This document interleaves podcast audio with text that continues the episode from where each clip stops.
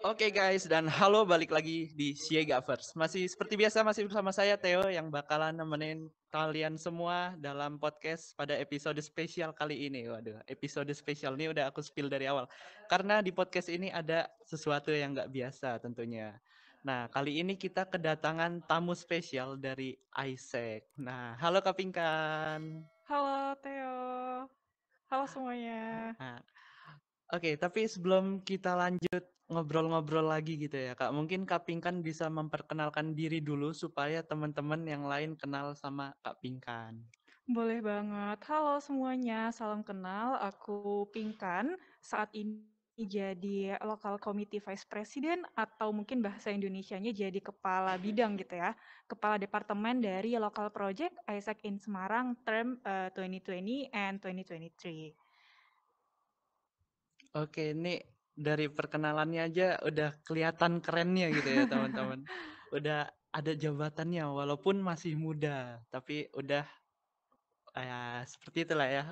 Udah terjamin mungkin ya kualitasnya. Oh, jadi Isaac ini adalah organisasi internasional kepemudaan yang fokusnya itu untuk bisa mengembangkan kepemimpinan. Nah, jadi karena uh, kita organisasi internasional ada di banyak negara dan salah satunya di Indonesia dan di Indonesia sendiri ada di banyak kota, banyak uh, universitas dan salah satunya adalah Isaac in Semarang. Dan dari fokusnya itu sendiri, kita fokus untuk di anak mudanya, mengembangkan kepemimpinannya, dan uh, harapannya juga sesuai dengan purpose kita adalah untuk achieve human kind potential and also uh, fulfillment of peace. Oke, ini dari penjelasannya aja udah, wah, sepertinya Isaac itu bukan uh, organisasi yang main-main gitu ya. Udah internasional gitu ya kak istilahnya. Bener banget, Theo. Oke, tadi aku sempat dengar kalau Isaac itu nggak um, cuman ada di Indonesia, tapi kan ada di negara-negara lain. Nah, aku jadi penasaran sebetulnya tuh sejarah awal Isaac itu gimana sih? Mungkin Kak Pinkan bisa menceritakan dulu kenapa bisa nyampe masuk Indonesia, terus punya hubungan-hubungan di luar negeri gitu. Boleh banget Theo, mungkin sesuai dengan sejarahnya juga ya, Isaac itu terbentuk setelah Perang Dunia Kedua. Jadi saat itu ada sekumpulan uh, pemuda yang sama-sama memiliki uh, purpose atau tujuan supaya nantinya uh, kita bisa contribute di uh, peace atau kedamaian seperti itu. Dan pemuda-pemuda ini pun percaya kalau kuncinya itu adalah dengan melalui uh, adanya kegiatan kepemudaan seperti itu. Dan saat itu kegiatan pertama kalinya itu adalah seperti uh, study exchange kayak gitu. Dan akhirnya muncullah berbagai macam kegiatan Isaac dan sampai sekarang pun juga masih relevan. Seperti kita juga masih provide yang namanya global volunteering. Jadi kalau misalkan mau melakukan exchange tapi sifatnya itu adalah volunteering itu kita juga masih ada. Dan kalau misalnya mau uh, internship kayak gitu kalau misalkan pengen melalui networking, international networking, kita pun juga ada global talent and also ada global teacher kalau memang interested di uh, mengajar kayak gitu ya, interested di masalah uh, edukasi. Jadi memang sejarahnya cukup panjang deh ya dari uh, setelah Perang Dunia Kedua sampai sekarang pun Isaac uh, masih relevan. Oke, okay, uh, ngomong-ngomong tentang acara nih ya, kan tadi katanya banyak acara kepemudaan. Nah itu kalau boleh tahu Isaac itu ngadain acara apa aja sih, Kak? Baik, kalau misalkan untuk acaranya apa aja pastinya ada banyak banget dan di setiap Isaac-nya tuh suka berbeda-beda ya. Misalnya kalau di Isaac in Semarang itu kita sebentar lagi akan mengadakan uh, bisnis competition karena harapannya nanti teman-teman juga pastinya uh, tidak hanya memiliki networking saja tetapi juga yang pastinya nanti memiliki uh, kompetisi yang memang uh, dibutuhkan juga. Kemudian kita pun juga saat ini ada local project, uh, adalah volunteering program kayak gitu di Indonesia. Dan sebentar lagi nanti di bulan uh, Agustus berarti bulan depan ya kita juga ada kegiatan open recruitment untuk members baru. Kalau misalkan interested di Isaac dan nanti di akhir uh, tahun ini kita dipercayai oleh Isaac Indonesia untuk nanti mengadakan global volunteer atau GV ke luar negeri kayak gitu Theo. Jadi cukup lumayan banyak sebenarnya produknya atau programnya seperti itu. Oke, uh, ngomong-ngomong tentang kepemudaan ya, kalau di Isaac itu ada rentang umurnya gitu nggak sih, Kak? Misalnya Isaac itu diperuntukkan untuk orang yang dari umur berapa sampai umur berapa gitu, Kak? Ada Theo, dan di setiap produknya itu sebenarnya, eee, berbeda-beda, tapi mungkin in general itu, eee, produknya itu menyesuaikan dengan umur dari 18 sampai 25 tahun. Tapi ada juga yang, eee, lebih dari 25 tahun itu juga tetap boleh nih, eee, join dari programnya AIESEC. Jadi tergantung teman-teman ini, eee, ingin mengikuti program yang mana. Misalnya kalau misalkan Global Talent, itu dia range umurnya bisa lebih, eee, tua, kayak gitu lebih lebih, eee, tua karena internship itu kan, eee, butuh apa ya, umur yang lebih profesional untuk bisa bekerja seperti itu. Jadi balik lagi kira-kira mau join di, eee, kegiatan yang mana karena nanti requirement umurnya juga nanti berbeda-beda, cuma kita sama-sama start dari umur 18 tahun. Oke, kalau buat Kapingkan sendiri itu kalau boleh tahu sekarang umur berapa ya? Sekarang umurnya sudah 22 tahun ya, Theo. Oh, 22 tahun, tapi ya hitungannya masih muda lah ya. Ah, terus tadi aku sempat Kakak spill di awal kalau Kakak itu udah jadi Vice President di AIESEC ya? Iya, bener Nah banget, Theo. Jadi ya memang perjalanannya cukup panjang. Awalnya sempat ikut GV atau Global Volunteer ke India. Setelah itu kembali ke Indonesia jadi panitianya AIESEC, kemudian terjadilah pandemi, kemudian memutuskan untuk bisa take, eee, further role kayak gitu. Jadi, eee, apply untuk menjadi team leader, setelah menjadi team leader, apply lagi menjadi kepala departemen. Jadi memang udah 4 tahunan kurang lebih di AIESEC. Oke, udah 4 tahunan. Wah, waktu yang cukup panjang juga ya.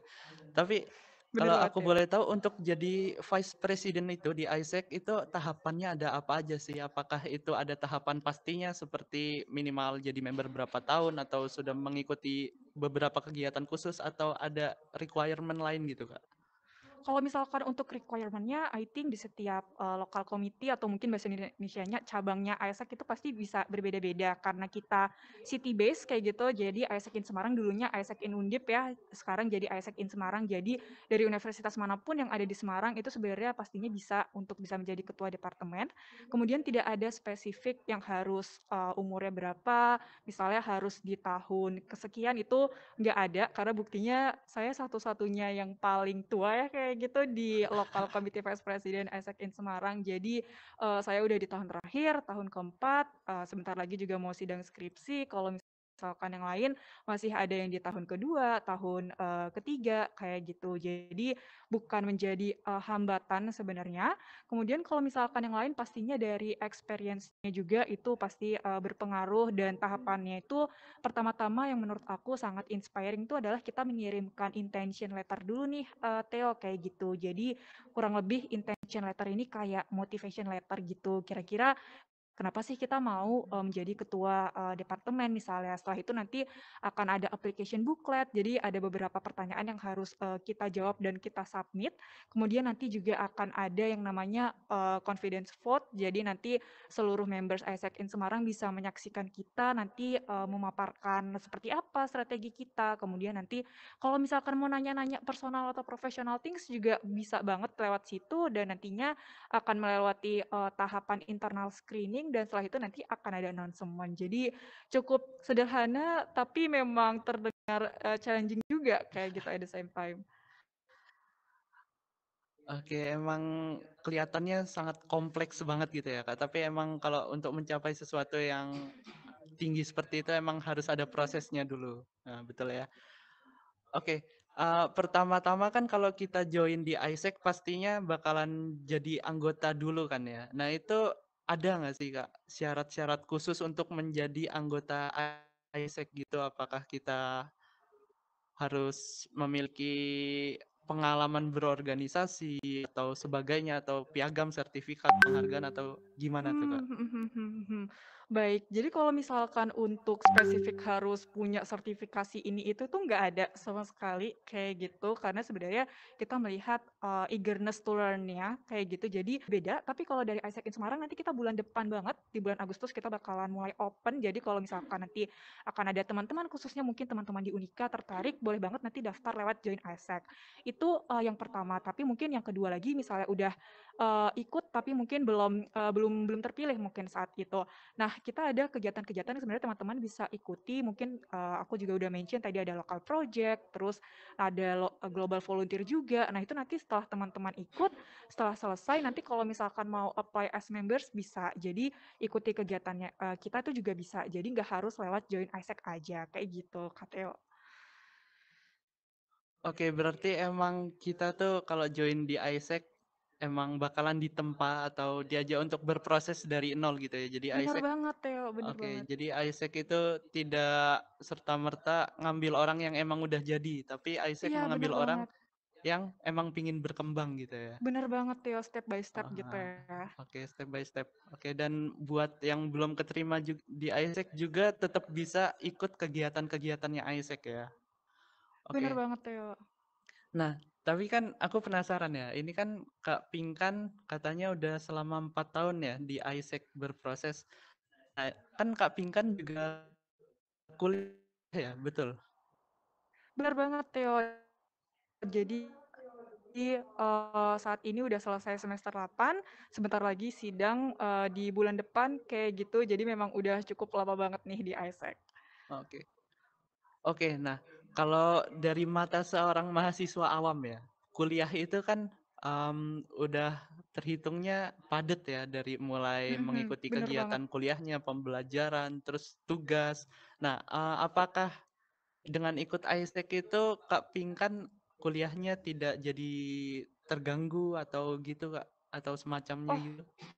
Iya, kalau misalkan masalah terganggu atau enggaknya mungkin balik ke time managementnya juga ya Theo dan dari ISEC pun aku belajar untuk work life balance kayak gitu. Jadi mungkin sebelum uh, ikut atau jadi uh, members dari ISEC mungkin pernah ikut kegiatan dari tempat yang lainnya juga, tapi dari ISEC belajar banyak banget untuk time management karena kita kalau misalkan di departemen uh, aku misalnya aku menerapkan adanya day off. Jadi kalau misalkan hari Sabtu Minggu itu nggak ada bahas uh, kerjaan sama sekali tentang ASEC kecuali urgent important ya kayak gitu. Jadi kalau misalkan mereka mau ngerjain hal-hal yang pribadi, mereka mau family time, me time, apa pun itu di weekend itu bisa. Tapi kalau weekdays itu full uh, ada di ASEC sama mungkin mereka kalau ada responsibility kuliah juga silakan kayak gitu. Jadi biasanya kalau pagi, siang, sore kan biasanya ada kelas. Nah, itu biasanya malam kita habiskan sama meeting-meeting kayak gitu. Jadi ya gimana caranya supaya bisa balance itu yang selalu aku tekankan ke uh, members aku juga kayak gitu supaya nggak burn out dan sama-sama jalan kayak gitu karena aku pun juga sadar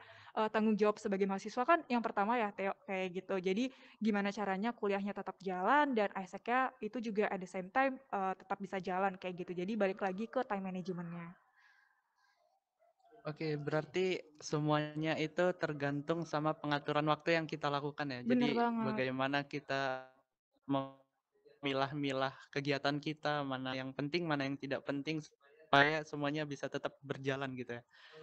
Nah, kalau boleh tahu tuh benefit apa aja sih Kak yang bisa kita dapetin di ISEC? Oke, kalau misalkan benefit pastinya akan ada banyak banget ya. Mungkin yang pertama dari self uh, development kayak gitu karena kita juga ada yang namanya internal conference. Jadi konferensi internal buat uh, members ISEC in Semarang aja biasanya kita ada ngundang uh, alumni, ada mengundang dari uh, tim leader yang lainnya juga, mungkin dari LC ISEC in Indonesia. Kemudian juga kita akan ada uh, yang namanya itu uh, selain tadi ada internal development, kita juga akan ada yang namanya kayak international networking seperti itu. Jadi lewat IR partner kita itu biasanya kita jadi bisa uh, tahu insight yang terjadi dari uh, IR partner kita. Misalnya kita punya nih IR partner dari Myanmar dan mungkin yang seperti kita tahu sempat terjadi konflik ya kayak gitu di governmentnya mereka. Nah itu kita tahu dan kita bisa memiliki apa ya empati yang lebih tinggi kayak gitu. Karena kita memiliki touch point secara langsung kan dengan orang-orang Myanmar melalui partnership kita kayak gitu. Jadi dari ISEC in Semarang dengan salah satu uh, lokal committee atau cabang yang ada di Myanmar seperti itu. Dan juga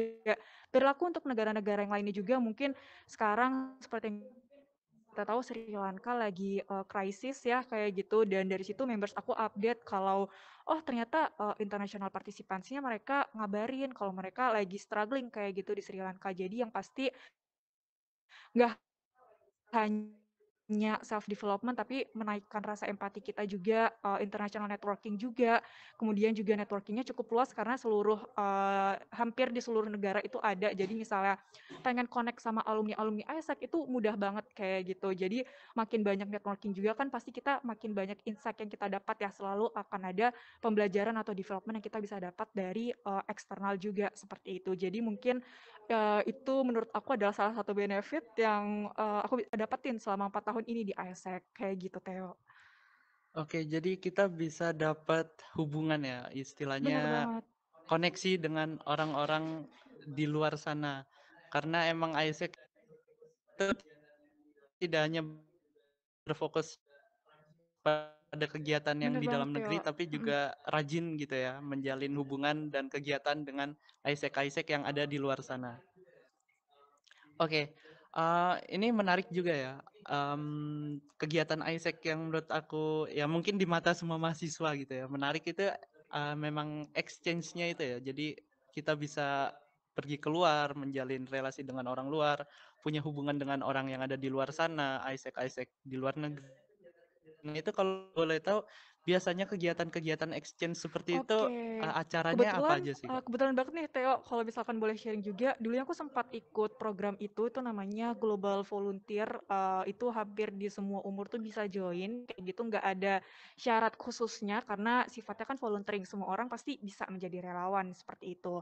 Dan uh, program yang aku join itu waktu itu di summer 2019, jadi di bulan Juli Agustus uh, tahun 2019 sebelum pandemi banget itu sempat ikut ke India dan kegiatannya itu menurut aku sangat-sangat apa ya uh, fokus banget ke self development kayak gitu. And also pastinya kita dapat cross cultural understanding apalagi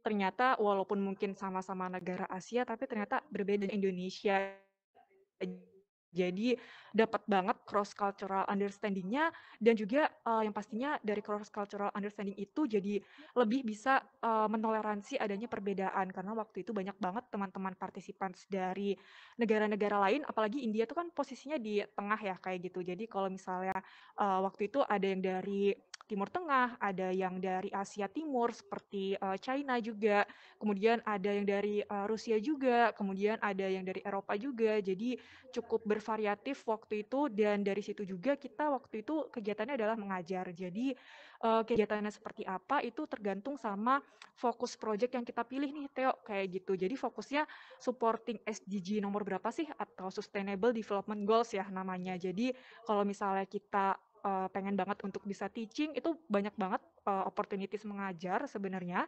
Jadi fokusnya di SDG nomor 4, tapi kalau misalkan mau di SDG yang lain misalnya suka banget nih untuk lingkungan. Nah, itu nanti bisa uh, registernya itu ke project yang fokusnya itu mendukung tentang isu-isu uh, lingkungan yang terjadi di negara lain. Jadi uh, di negara mana pun itu yang nanti uh, kita pilih sebenarnya sama-sama achieve uh, sustainable development uh, development goals. Jadi SDG itu kan sifatnya global, nggak cuma di satu negara aja, tapi hampir di semua negara itu pasti mereka punya fokus SDG ya masing-masing dan dari kegiatan itu uh, karena waktu itu mengajar jadi ada anak-anak SD dari rentang usia yang berbeda-beda latar uh, background yang berbeda-beda mulai dari anak India yang uh, sekolahnya tuh di pinggiran mereka nggak uh, punya seragam khusus kayak gitu jadi cuma pakai baju aja, nggak pakai sepatu, cuma pakai sandal doang, kayak gitu. Jadi memang tipikal yang unprivileged uh, children gitu. Dan ada juga sempat uh, berkesempatan ke anak-anak uh, SD di India yang memang sekolah uh, sekolah mereka jauh lebih proper ya, kayak gitu. Jadi pakai seragam, kemudian uh, pakai sepatu yang memang untuk uh, sekolah kayak gitu. Jadi memang pengalamannya dari situ juga sih uh, Theo sebenarnya menurut aku jadi dapat insight, oh ternyata memang uh, setiap negara itu permasalahannya berbeda-beda juga kayak gitu. Oke, berarti lewat acara acara yang diadakan ISEC itu kita bisa melatih istilahnya simpati kita juga ya terhadap sesama. Kita bisa prihatin terhadap kondisi mereka dan kita bisa bersyukur atas uh, atas apa yang kita peroleh sekarang ini kan ya. Bener banget ya. Oke, ngomong-ngomong soal sharing, uh, mungkin Kak Pink kan bisa sekalian sharing um, pengalaman apa sih yang menurut Kakak paling menarik yang bisa Kakak dapetin waktu Kakak uh, ikut berdinamika di ISEC begitu Hmm, Kak? baik. Kalau misalkan pengalaman sepertinya susah ya kalau misalkan mau di-mention satu uh, demi satu kayak gitu karena aku ada di ISEC di periode uh, 2019 itu kan berarti sebelum pandemi ya. Sebelum pandemi kemudian uh, balik ke Indonesia, apply jadi panitia projectnya yang menerima mahasiswa asing. Jadi uh, berkebalikan kalau misalkan dulu jadi partisipan yang keluar, sekarang jadi panitia yang menerima mahasiswa dari luar. Nah itu uh, tiba-tiba pandemi, jadi kita postpone project sampai satu tahun. Kemudian sekarang kita lagi di fase post pandemic ya, uh, I think. Jadi kita udah mulai melakukan operasional seperti dulu lagi, uh, secara perlahan. Mungkin tadi aku juga udah mention ke Theo dan juga ke teman-teman kalau misalkan kita sebentar lagi mau ada global volunteer lagi kayak gitu for the first time after years of pandemic kayak gitu dan jadi dari ESEC Indonesia uh, mempercayakan beberapa LC aja atau beberapa lokal komite atau cabang ISEC aja di Indonesia yang bisa memberangkatkan kita keluar dan salah satunya adalah ISEC in Semarang nanti di bulan uh, akhir tahun itu kita bisa kembali melakukan uh, volunteering keluar seperti itu. Jadi uh, dari tiga fase yang mungkin aku alami sebelum pandemi, pandemi dan setelah post pandemi memang banyak banget hal-hal yang menurut aku itu mengajarkan aku untuk bisa agile, uh, Theo. Jadi menurut aku itu experience yang uh, sangat luar biasa yang awalnya meetingnya masih fisikal kayak gitu, terus uh, di ISEC kita agile banget, uh, bisa menyesuaikan uh, rutinitas kita dengan sangat cepat dan juga bertanggung jawab. Tidak terburu-buru karena kita lagi ada lokal project hybrid juga. Jadi kalau dulu mendatangkan mahasiswa secara fisikal ke Semarang, sekarang kita masih mendatangkan mahasiswa tersebut walaupun mungkin secara virtual dulu ya Theo kayak gitu. Tapi dari situ aku belajar kalau oh, Isaac itu tidak stuck di satu hal yang sama, tapi tetap agile kayak gitu. Jadi dari situ menurut aku sangat-sangat uh, inspiratif uh, membuat aku belajar untuk bisa uh, empati juga sama keadaan yang ada gitu ya mungkin bahasa Indonesia-nya nggak sakit tetap bisa sama inspiratif ngomong-ngomong pandemi nih kan waktu itu uh, sempat ada gitu. kan dampak uh, gitu ya pada Isaac ngomong soal pandemi itu uh, si dampaknya kepada pandemi ada tadi tentang apa sempat bersifat suasana Isaac? Karena kalau aku dengar kegiatan sekali gitu ya adanya pandemi kegiatan Isaac itu terdampak atau terhambat atau sebagainya gitu kak Oh, baik. Jadi kalau misalkan, uh, setelah adanya pandemi kayak gitu mungkin fokus salah satu fokusnya di sosial, uh, kitu kita menyesuaikan sama protokol yang ada mungkin dari pemerintah. Kemarin kan kita sempat PPKM-nya lumayan tinggi, kemudian waktu di tahun lalu kita di pertengahan tahun 2021 sempat mengalami gelombang kedua juga, uh, mungkin ada varian Omikron kalau misalkan Theo juga ingat saat itu. Nah dari, uh, Isaac in Semarang pastinya menyesuaikan juga, uh, saat itu kita langsung full uh, virtual ya. Walaupun itu ada rencana untuk hybrid tapi akhirnya kita buat semuanya secara full virtual kayak gitu. Jadi memang cukup sangat-sangat uh, agile dengan kondisi yang ada. Sekali lagi kayak gitu gara-gara pandemi. Dan gara-gara uh, pandemi itu juga akhirnya kita juga mulai mem, uh, diperbolehkan untuk bisa adanya namanya itu adalah physical resumption. Jadi uh, segala kegiatan ISEC itu tidak sembarangan gitu. Jadi misalnya harus ada izin dari ISEC in Indonesia. Jadi kalau misalkan kita mau ngadain uh, conference uh, fisikal misalnya. Sebentar lagi kita rencananya mau ada ngadain internal conference gitu, uh, Theo. Jadi buat members kita nanti kita bakalan ngundang uh, speaker kayak gitu untuk self development mereka kayak gitu segala macam itu nanti secara fisikal di bulan depan rencananya. Jadi memang harus mendapatkan approval dulu dari ISEC in Indonesia dan kita bersyukur banget karena belajar banyak dari pandemi ini juga kayak gitu untuk bisa lebih berhati-hati kalau misalkan uh, membuat keputusan ya. Jadi salah satu skill skill yang aku belajar juga itu adalah skill um, decision making Theo selama pandemi ini kayak gitu. Selain agile juga adanya decision making tuh penting banget. Oke, berarti emang waktu itu sempat terkendala tapi tetap bisa diatasi gitu ya Bener dengan banget, mengikuti protokol-protokol yang ada. Oh, oke. Untuk ngomong-ngomong soal open recruitment ya, uh, kalau boleh tahu di ISEC sendiri itu ada divisi apa aja sih Kak kalau boleh tahu? Oke, jadi kalau misalkan untuk divisinya saat ini kita ada 9 eee, departemen seperti itu. Jadi memang cukup banyak mungkin, eee, susah ya ngebedainnya seperti apa, tapi kita so far ada 3 eksternal departemen. Jadi kalau misalkan teman-teman tertarik sama, eee, government atau sama alumni, itu bisa nanti join di external relations. Kemudian yang kedua, kalau misalkan teman-teman tertarik sama branding, terus tertarik sama um, produk marketing. Nah, itu nanti bisa joinnya di public relation. Terus uh, yang terakhir ada yang namanya itu uh, business development. Jadi kalau misalkan teman-teman pengen banget nih uh, apa ya contribute untuk bisa product development misalnya untuk bisa support uh, finansial dari ISEC in Semarang itu cocok banget di business development. Terus kalau misalkan pengen banget nih belajar partnership sama perusahaan-perusahaan besar itu bisa banget join di business development. Terus kalau misalkan untuk produk kita uh, basically secara garis besar kebagi jadi dua, Theo. Jadi ada incoming sama ada uh, outgoing. Jadi kalau misalkan mendatangkan mahasiswa asing ke dalam itu namanya incoming dan kebalikannya juga kalau memberangkatkan orang keluar itu namanya kita ada outgoing dan untuk outgoing itu sendiri uh, ada yang namanya itu salah satunya ada adalah OGTA uh, OGTAI. Jadi kalau misalkan teman-teman pengen internship di luar kayak gitu secara fisikal itu bisa banget nanti masuknya di uh, OGTAI kayak gitu. Jadi global talent uh, slash global teacher. And then kalau misalkan mau keluar juga kita ada yang namanya departemen um, OGV tapi sekarang karena pandemi jadi namanya berubah. Tapi kalau lagi nggak pandemi uh, kita runningnya itu namanya OGV atau Outgoing Global Volunteer. Kemudian ada juga yang namanya itu kalau misalkan untuk incoming itu kita ada yang namanya uh, IGV sama IGTA. Jadi kalau misalkan teman-teman tertarik untuk bisa uh, participate di Indonesia aja nih, misalnya volunteeringnya di Indonesia aja, di Semarang aja lebih spesifik itu bisa di IGV. Kemudian kalau uh, ingin menyambut orang orang-orang yang lagi internship kayak gitu ke Semarang itu bisa nanti di IGTA. Kemudian untuk uh, departemen yang lainnya itu kita ada uh, FGL. Jadi kalau misalkan teman-teman uh, pengen apa ya belajar tentang finansial, tentang uh, legality juga kayak gitu. Itu bisa banget nanti di FGL sama departemen yang terakhir adalah pastinya departemen talent management.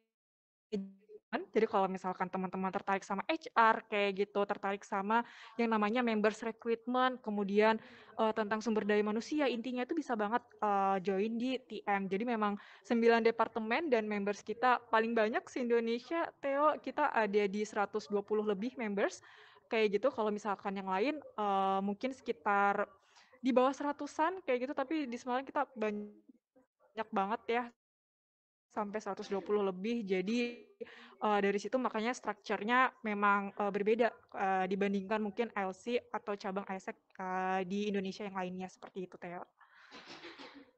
Oke, menarik sekali. Jadi uh, ada banyak departemen-departemen di ISEC yang Bener bisa banget. dimasukin atau dicoba oleh teman-teman gitu ya, sesuai dengan keinginan uh, ataupun fokus yang ingin teman-teman kembangkan gitu ya. Oke, uh, mungkin ini buat mahasiswa-mahasiswa ataupun mereka yang mau gabung ke ISEC mungkin bisa di reminder lagi ISEC itu uh, bakalan buka open recruitment lagi kapan, lalu apa aja sih yang harus disiapkan oleh orang-orang yang ingin mencoba untuk join ke ISEC gitu, Kak dan mungkin apa step-stepnya nanti sampai uh, mereka bisa keterima di ISEC gitu.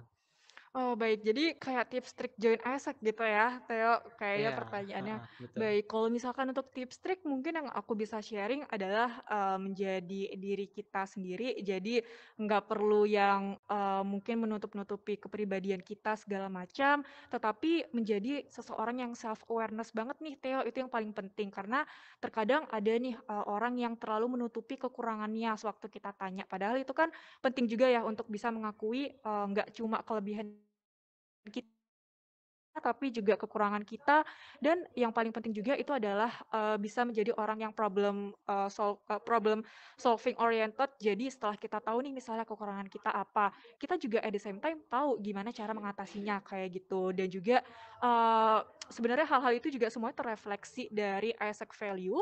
Jadi kalau boleh sharing tips and trick, teman-teman harus tahu dulu nih Isaac value itu apa aja. Jadi Isaac value itu nilai-nilai yang dimiliki oleh uh, Isaac yang uh, harus ada secara ideal di setiap members ASEC kayak gitu. Mungkin salah satunya tadi aku yang contohin jadi orang yang bisa problem solving uh, oriented, terus nggak cuma itu juga, tapi juga ada yang namanya tuh uh, self awareness juga. Mungkin tadi aku juga udah mention. Kemudian uh, yang pastinya juga uh, menjadi orang yang eager to learn ya, Theo. Mungkin tadi aku udah mention juga di awal. Jadi walaupun mungkin uh, skillnya masih masih belum terlalu banyak, nggak perlu yang namanya sertifikat ABC itu nggak nggak perlu sama sekali. Tapi uh, menunjukkan pribadi yang emang eager to learn kayak gitu. Mungkin tadi aku udah sharing juga bener-bener yang step by step. Even kayak aku uh, udah jadi apa ya membersnya mungkin paling tua ya di ASEC Semarang, tapi tetap stay kayak gitu karena emang uh, I believe sama value yang ada di ISEC and also development yang uh, aku ngerasa aku dapetin banget nih di ISEC kayak gitu Theo. Jadi kurang lebih mungkin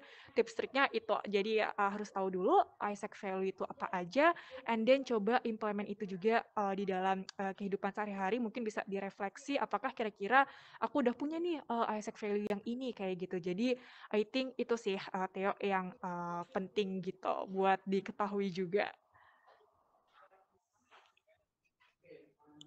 Oke, uh, mung pertanyaan, uh, bukan pertanyaan sih, mungkin ini hal terakhir ya, yang mungkin ada nggak sih pesan buat mereka-mereka mungkin ini semua di luar sebisa karena mungkin sampai sekarang masih ragu gitu untuk mencoba aktif dalam kegiatan-kegiatan seperti Isaac dan lainnya gitu, Kak.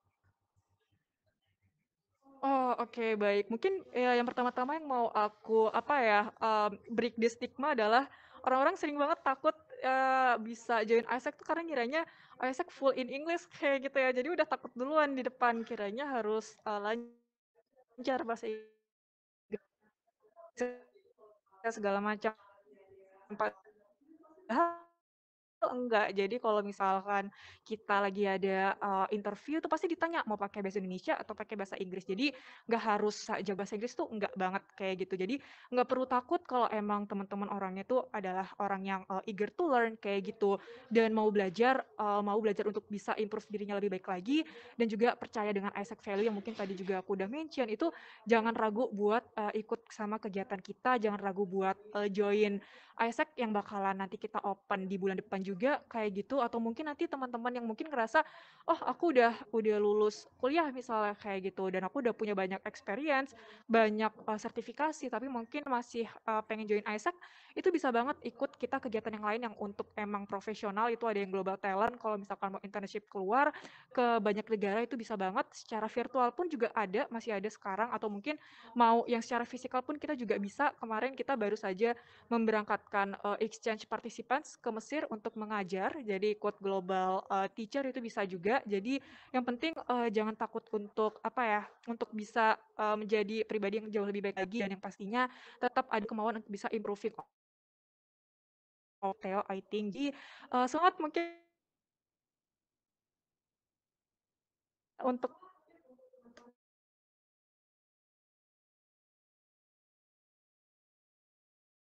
to ourselves gitu sih. Jadi kan buat jangan ragu-ragu buat approach kita mungkin dari sosial media kita kalau misalkan ada apa pun uh, pertanyaan atau mungkin bisa approach aku personally juga boleh banget ya. Oke. Oke, jadi emang yang namanya menuju kesuksesan itu nggak ada yang instan ya. Semuanya harus melalui sebuah proses. Jadi harus berdarah-darah gitu dulu. Ah, Oke, okay, bener banget Teo. Oke, jadi buat teman-teman mungkin yang masih ragu ya, jangan ragu, join aja ke Isaac dicoba dulu karena kalau kita nggak pernah nyoba kita nggak akan pernah tahu hasilnya akan seperti apa ya. Emang awalnya memang mungkin bakalan um, butuh penyesuaian dulu gitu ya. Jadi harus berproses dulu, tapi memang yang namanya usaha nggak ada usaha itu nggak ada yang mengkhianati hasil. Nah, oke, mungkin uh, sekian dulu ya perbincangan kita pada hari ini. Makasih buat Kapingkan ya perwakilan dari Isaac yang udah mau diundang ke podcast kita Siegavers pada hari ini dan terima kasih juga buat teman-teman semua yang udah nonton dan jangan lupa untuk like, share, and subscribe video ini supaya kita makin semangat kontennya. Oke, mungkin sekian dulu dari kita. Sampai jumpa di kesempatan berikutnya. Bye.